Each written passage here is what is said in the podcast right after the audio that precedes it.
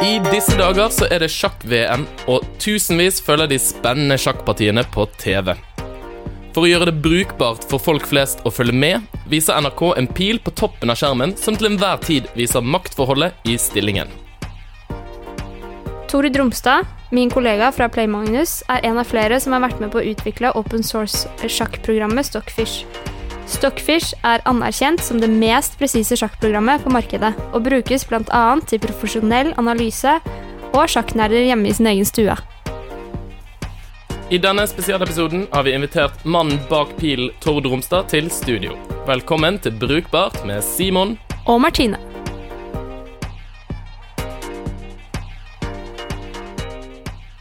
Hei, Tord, og velkommen til Brukbart. Eh, For de eh, som aldri har hørt om Stockfish, kan du forklare kort hva Stockfish egentlig er? Stockfish er en eh, sjakkmotor.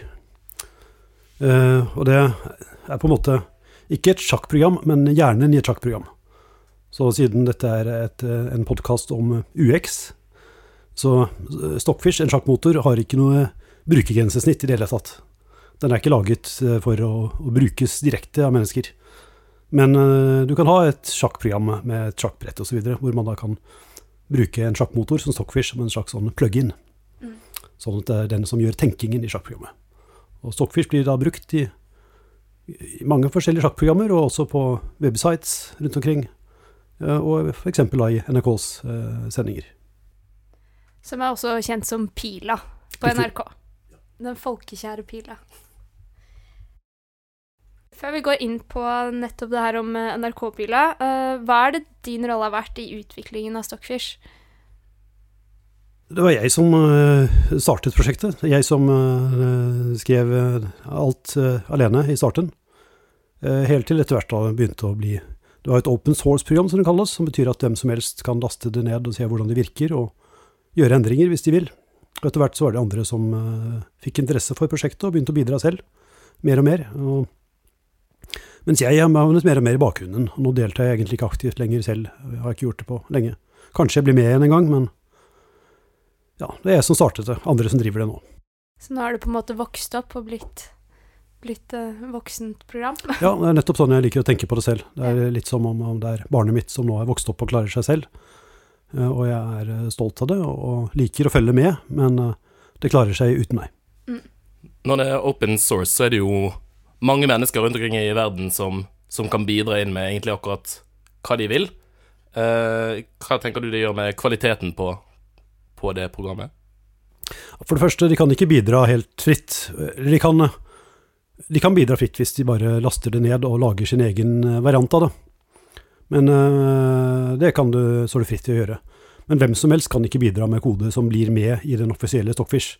Det går alt sånt går gjennom en streng kvalitetskontroll. Det må være dokumentert at det enten er en forbedring av spillestyrken eller en forenkling.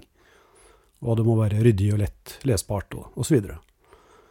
Eh, Så hvem som helst kan ikke bidra i den forstand. Men det at eh, mange kan i hvert fall prøve å bidra, har jo vært veldig, en veldig viktig del av suksessen. At eh, det er mange ideer fra alle kanter, mange som bidrar. Ikke bare med utvikling, men også med testing. For i datasjakk er det veldig viktig å Alle, alle endringer som man Som sjakkspiller er sikker på at dette må gjøre programmet bedre. Ofte tar man feil, viser det seg. Så alt må testes. eh, og eneste måten å teste er å spille, tusenvis av partier. Og, der har vi en, en stor gruppe med frivillige som entusiaster som eh, tester hjemme hos seg eh, en ny vers versjon av Stockfish mot forrige versjon. Spennende. Jeg bare kom på en liten sånn fun fact inni bildet. Hvorfor heter det egentlig Stockfish? Ja, eh, det var ikke det det het i starten, da jeg begynte prosjektet. Eh, Jeg kalte mitt eh, opprinnelige program Glaurung, oppkalt etter en drage fra Tolkien.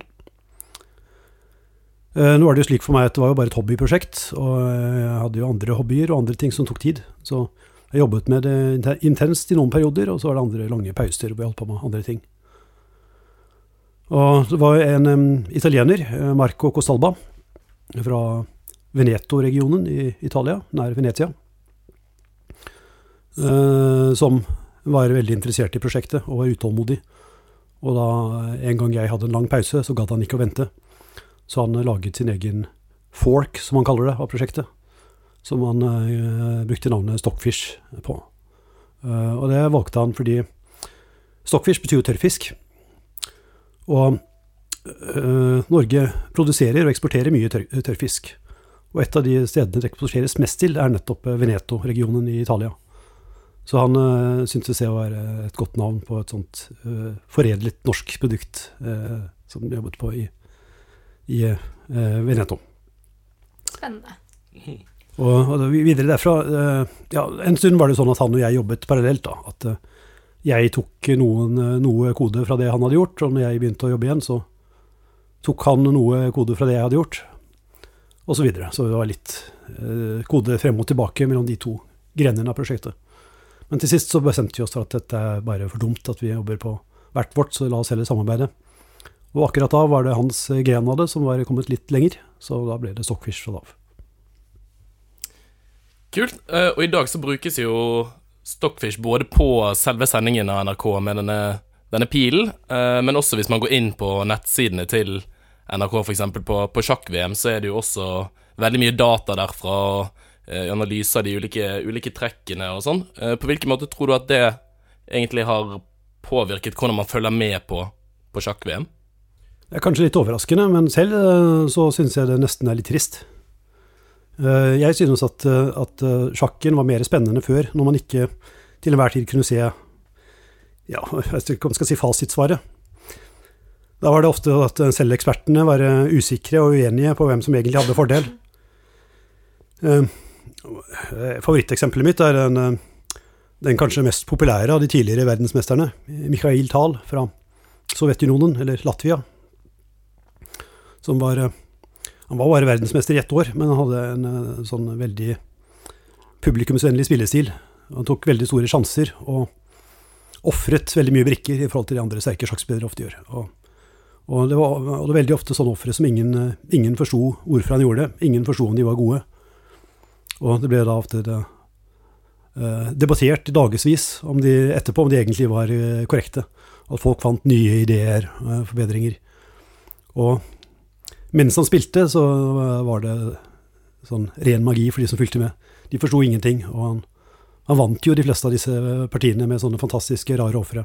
Som i ettertid har vist seg, når man analyserer det med computere, at de var, de var feil, teoretisk sett. De var bare vanskelig for mennesker å gjendrive.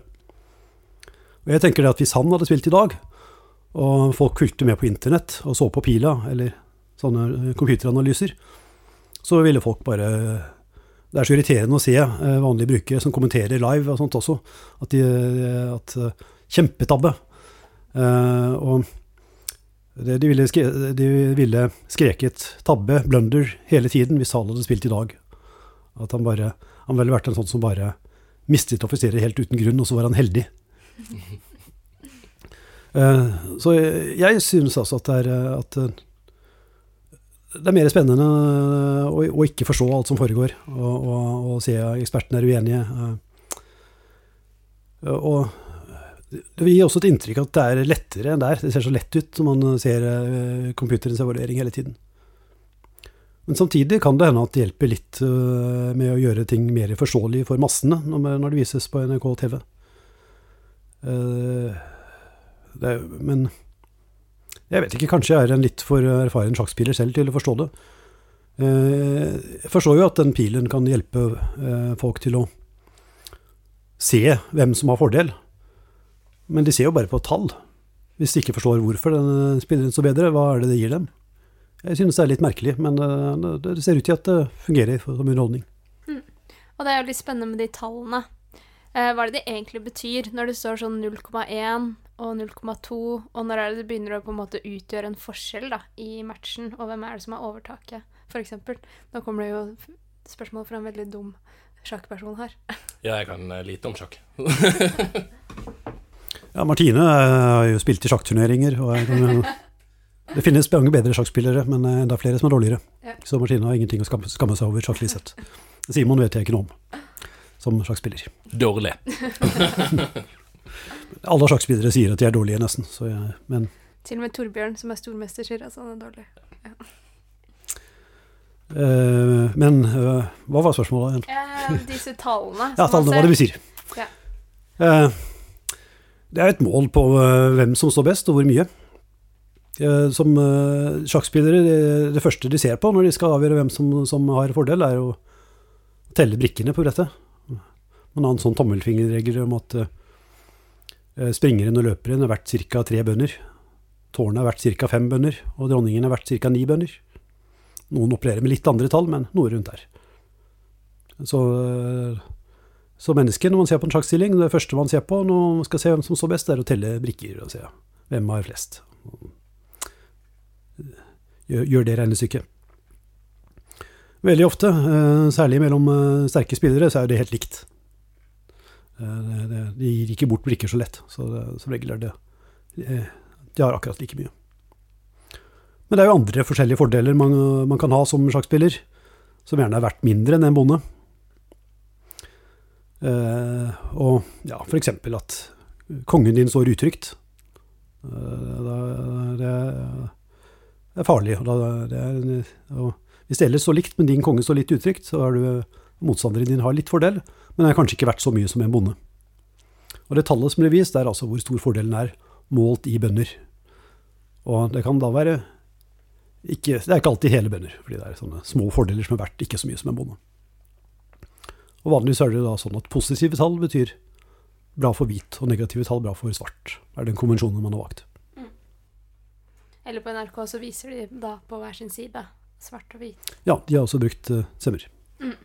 Ja, for det, det slo meg litt, og det er litt interessant med tanke på det du sa, sa i sted også, for jeg så, så på sjakk for, for første gang i dag, liksom over, over lengre tid. Eh, og det slo meg at de brukte jo faktisk eh, veldig mye tid på egentlig bare å snakke om, om denne pilen, og drev også og hadde ganske lange diskusjoner om, om hvilke faktorer som ble regnet med i, i dette tallet, framfor å faktisk snakke om det som, som skjedde i i partiet, da.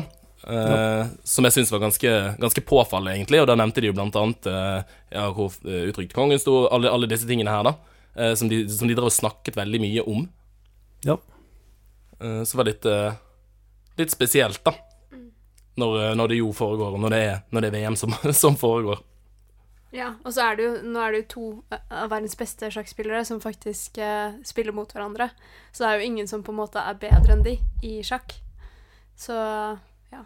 Det er ikke det, men, men eh, likevel, det er Det er ikke uvanlig at andre sjakkspillere kan se ting de ikke ser. Ja. Det er alltid litt tilfeldig også. Også spillere som er mye dårligere enn dem, kan av og til være en flaks da, se ting, ideer som de ikke ser.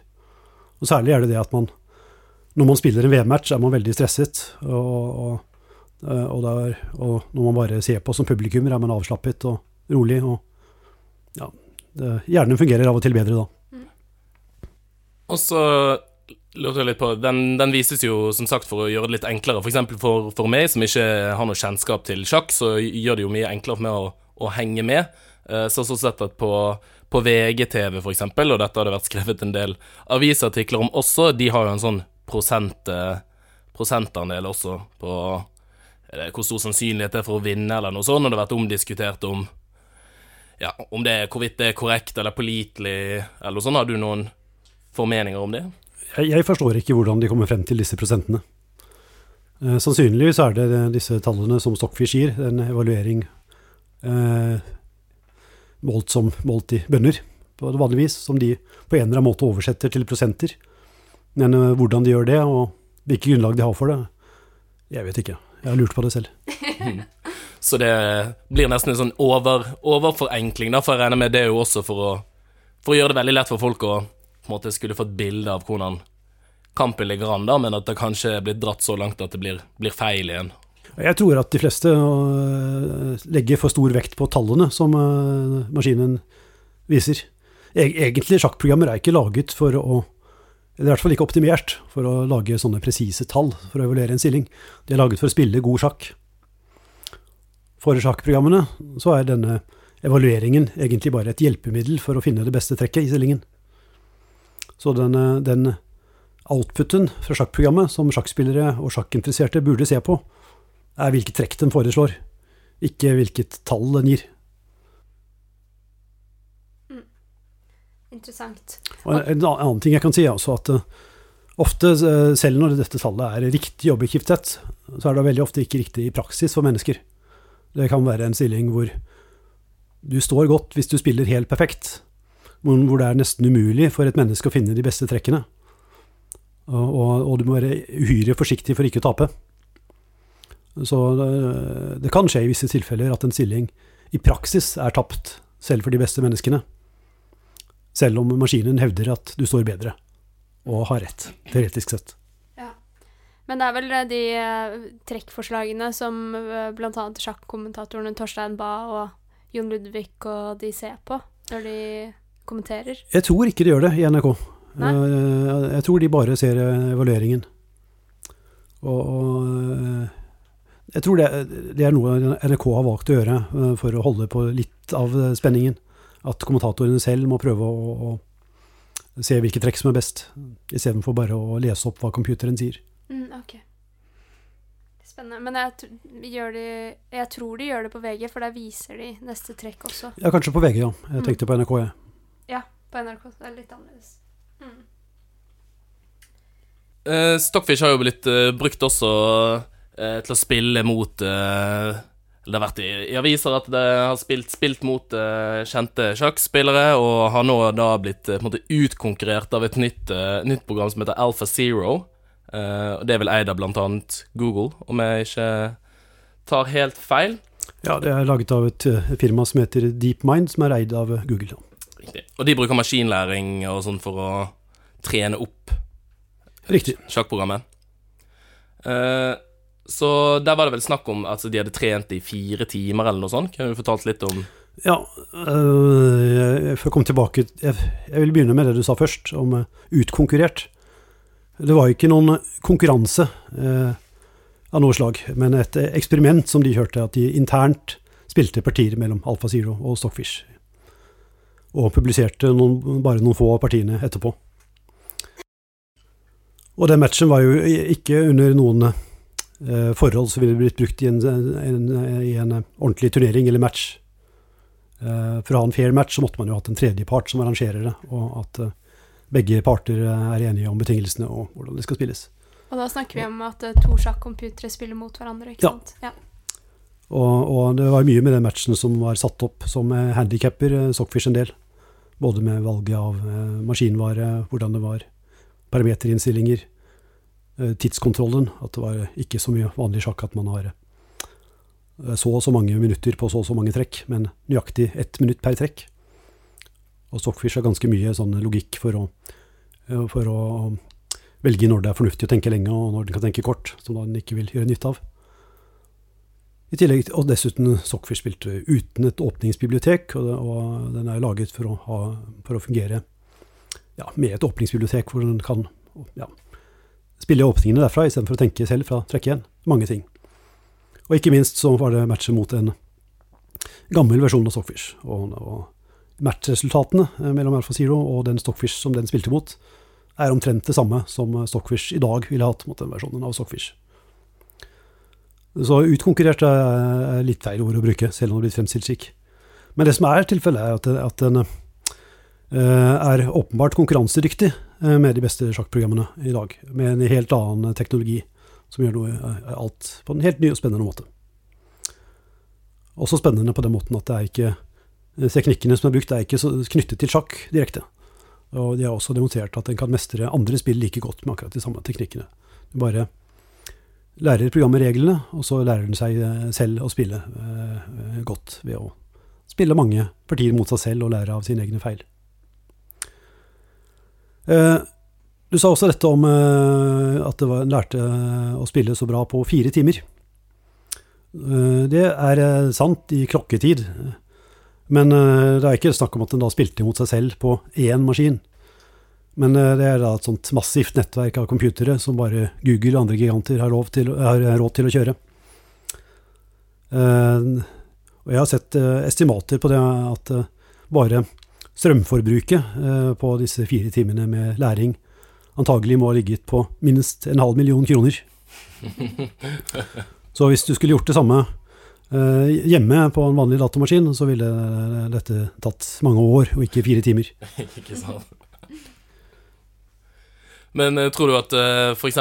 sånn som AlphaZero Alpha Zero kan etter hvert ta over for, for Stockfish, eller tror du man kommer til å fortsette å bruke det i ikke, ikke, direkte AlfaZero, Zero, rett og slett fordi Google og DeepMind er ikke interessert i det. Det ser ut til å være et sånt prosjekt som de for lenge siden har forlatt. De var aldri interessert i sjakk. De gjorde det bare som et eksperiment, en demonstrasjon, at denne teknikken fungerer også på sjakk. Og nå ser de seg ferdig med det og har gått videre til andre domener. Eh, men eh, andre eh, programmer basert på lignende teknologi kan man jo tenke seg. Og det finnes et prosjekt som forsøker å gjenskape Alfa Zero nå, nå i, som open source. Lila Zero. Problemet der er naturligvis at hvordan får vi tak i maskinvaren til treningen? Og det har de gjort på samme måte som egentlig Stockfish gjør sin testing. At det er frivillige som bidrar med, med tid på sine egne datamaskiner. Og det har kjørt en, uh, i uh, jeg vet ikke hvor mange måneder. Jeg tror det er mellom et halvt og ett år at de har uh, trent Lila Zero. Og den har begynt å bli veldig bra. Ikke på Stockfish-nivå helt, men den, men den, er sterk. Og, og den har flatet ut litt, men jeg tror den fortsatt går litt fremover. Men det er jo klart at i hvert fall det kan ikke komme mange sånne programmer med dagens teknologi. For ett sånt prosjekt hvor mange frivillige bidrar. Det er mulig. Men mange det går ikke, fordi det er ikke nok interesserte som stiller opp til å gjøre det. Og det syns jeg er litt trist, for uh, til nå i sjakkprogrammeringsverdenen så har det jo vært et uh, stort antall programmer. Folk flest har ikke hørt om så mange andre enn Sockfish, men det er veldig mange bak. Så, og, og, det hjelper jo også at det kommer mange ideer, da, at er, mange holder på med det. Og med slike nye teknikker så kanskje det er en sånn virkelighet hvor det bare er rom for ett program. Men øh, det kan tenkes, som du sier, at øh, noe lignende Alfa Zero øh, kan være et alternativ til Sockfish i fremtiden. Vi er ikke der riktig ennå, men vi nærmer oss. For, men det er en viktig forutsetning der også. per i dag ser det bare realistisk ut for klassiske datamaskiner, altså ikke f.eks. på en mobiltelefon. Fordi Alfa Zero og, og, Lila Zero og den typen programmer bruker eh, ikke det vi kaller eh, CPU-en i en datamaskin, men grafikkortet. Så sånne spill-PC-er med sånt eh, tøft grafikkort er den optimale hardwaren for å kjøre, kjøre den typen sjakkprogrammer. Og ting som mobiltelefoner uh, har ikke noe sterk sånn grafikkprosessor og vil ikke kunne kjøre den eh, typen programmer eh, effektivt på Kanskje en gang i fremtiden, men det ligger eh, en god del år frem i tid, tror jeg. Så det er begge typer sjakkprogrammer, både den klassiske og Alfa Zero, har nok en fremtid en god stund til. Men spennende. Og spennende å få oppklart denne Alfa Zero-saken. Det var jo en stor nyhetssak. det var det. Men uh, bare fra det klargjort, nå sa jeg mye der om at det ikke var noen uh, rettferdig satt opp match. Men uh, det har jeg også sagt før i intervjuer på internett, og det har blitt misforstått som at jeg kritiserer deres fremgangsmåte og ja, hvordan det har blitt fremstilt. Men det var ikke det jeg prøvde å si. Det var jo aldri tenkt som noen sånn konkurranse eller seriøs turnering eller match fra deres side. Det var et vitenskapelig eksperiment for å vise at denne metoden fungerer også til å spille sjakk på høyt nivå. Og, og, og, det demonstrerer eksperimentet deres veldig godt. Ja. Eh, metoden fungerer. Og de er ikke interessert i å konkurrere, og det er greit. Ingen skal tvinge dem til det. Nei. Men uh, interessant å få oppklart i da, hvordan medieoppslagene var rundt, rundt dette. Eh, sånn helt avslutningsvis, så De siste årene så har jo sjakk tatt eh, mer eller mindre helt av i, i Norge, i alle fall. Eh, og tror du at det skyldes Magnus Carlsen, eller tror du det skyldes Stockfish? Jeg tror at Stockfish har en veldig liten del av æren for det, må jeg innrømme. så eh, Jeg tror til og med at i starten så brukte ikke NRK og VGTV Stockfish, men et, en av de andre ledende sjakkmotorene, som på det tidspunktet var et lite skritt foran. Så, og de kunne i dag også brukt andre programmer. De er ikke riktig like sterke som Stockfish, men de hadde fungert akkurat like bra eh, som Pil i praksis. Så at det er et eh, norskstartet program som eh, er uh, best per i dag, er mer bare en sånn morsom kuriositet. Det betyr, jeg tror ikke det betyr noe for sjakkinteressen i Norge. Tusen takk for at du kom på besøk til oss. Det var ordentlig interessant. Takk for at jeg fikk være med. Du er første intervjuobjekt, hører du? Intervjuer mm. Første gjest. Gjest heter det.